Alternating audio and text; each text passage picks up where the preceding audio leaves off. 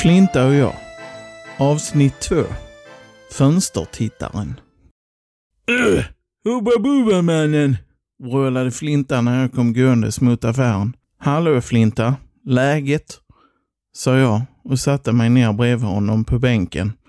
Ja, bänken utanför BGs där han i vanlig ordning satt iklädd sin björnpäls, sina mysbyxor och trätofflor. Och i precis samma vanliga ordning hade han dragspelet bredvid sig. Men det lyfte han såklart vänligt ner för att göra plats när jag gick mot bänken. Unge herrn kan tro, sa Flinta och stannade upp. Förresten, vad heter du egentligen? Johan, svarade jag. Öh, så tjusigt, vrålade Flinta. Som en kunglighet. Äsch, sa jag och ryckte på axlarna. Vad var det jag kunde tro? Jo, du kan tro att jag är trött idag Johan. Det kan jag alldeles visst tro. Jag är också ganska trött och det är nog för att vi var uppe ungefär samtidigt i natt. Eller i morse, beroende på hur man nu ser det, sa jag. Det var nämligen så här att ungefär vid fyra tiden på morgonen så vaknade jag av ett högt vrålande. Det tog några sekunder innan jag kommit ur min övervakenhet för att inse att det var någon som försökte sjunga olé, olé, olé. Det ska till rätt mycket för att få den enkla kampsången att låta illa, men det lät verkligen förskräckligt. Jag gick fram till fönstret och drog upp persiennen och såg Flinta springandes med en svensk flagga som mantel. Björnpälsen och mysbyxorna såg man inte röken av. De hade han inte på sig. Och inga kalsonger heller för den delen. Men tofflorna var på plats och klapprade mot asfalten. Nästan i takt till den så kallade musiken. Det var alltså flinta i födelsedräkt plus flagga och tofflor. Och fotbollskamplåt.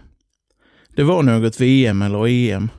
Jag brydde mig inte särskilt mycket om sport då. Och ja, det gör jag ju egentligen inte nu heller, så fråga mig inte om vilket. Sverige hade i alla fall nyligen vunnit en match och på grund av skillnaden i tidszoner där man spelar matchen plus några timmars supande så gjorde det att denna händelsen som sagt utspelar sig klockan fyra en helt vanlig fredagsmorgon i juni. Jeså, du kollar också på fotboll Johan? Nej, och jag sjunger inte kamplåtar på gatorna heller. Flinta tystnade lite. Han var ju inte den där typen som brydde sig om att han kanske hade varit lite pinsam. Du förstår, en man som Flinta lever utifrån devisen “det är jag som är normal, det är ni som är de konstiga”. Så det var ju inte därför han tystnade. Han funderar nog bara kring vilka gator han hade varit och segertågat på. Jaså, unge herrn såg mig, sa Flinta. Har du? Det, det var bara genom att dra upp persiennerna, svarade jag. Jaså? En omvänd fönstertittare minsann, skakade Flinta. Omvänd fönstertittare? Vad, vad jiddrar du om? Ja, en fönstertittare tittar ju normalt sett in genom fönster.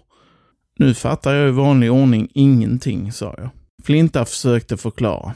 Jo, men det finns ju sådana där äckelgubbar som inte kan husera sig med fibban som får span på någon snygg donna. Och så smyger de på deras hus och kikar in genom fönstren i hopp om att se någonting som får dig att spralla lite i brallan. Där och då så gick en tant som bor i byn förbi. Jag kände igen henne från skolmatsalen där hon jobbade och hon hade nog hört vårt samtal. Fy för fönstertittare! Det hade vi hemma hos oss en gång för två år sedan, sa hon medan hon passerade. Flinta ställde sig upp.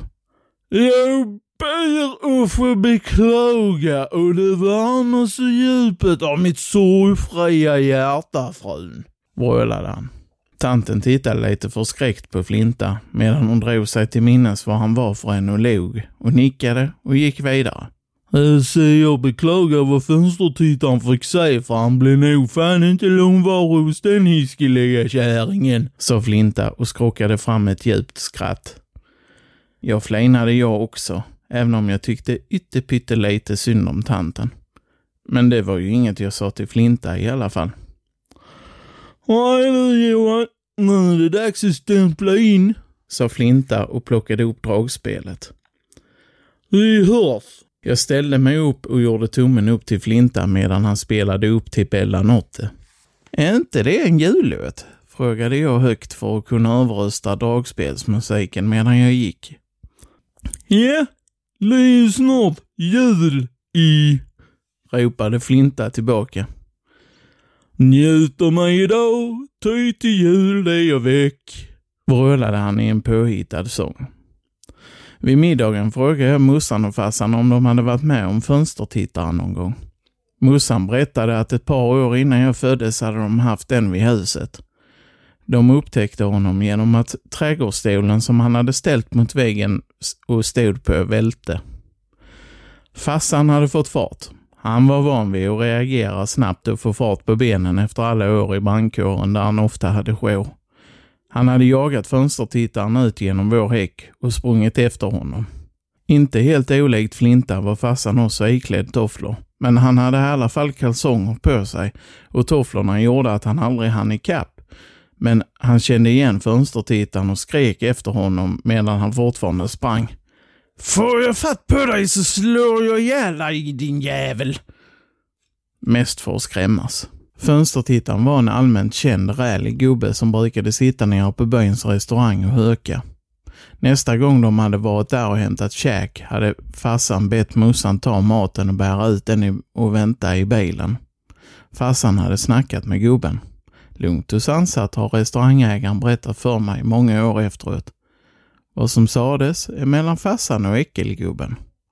Restaurangägaren hörde inte vad som sades och farsan har vägrat berätta vad han sa, men nyckelgubben var alldeles vit i ansiktet när farsan gick.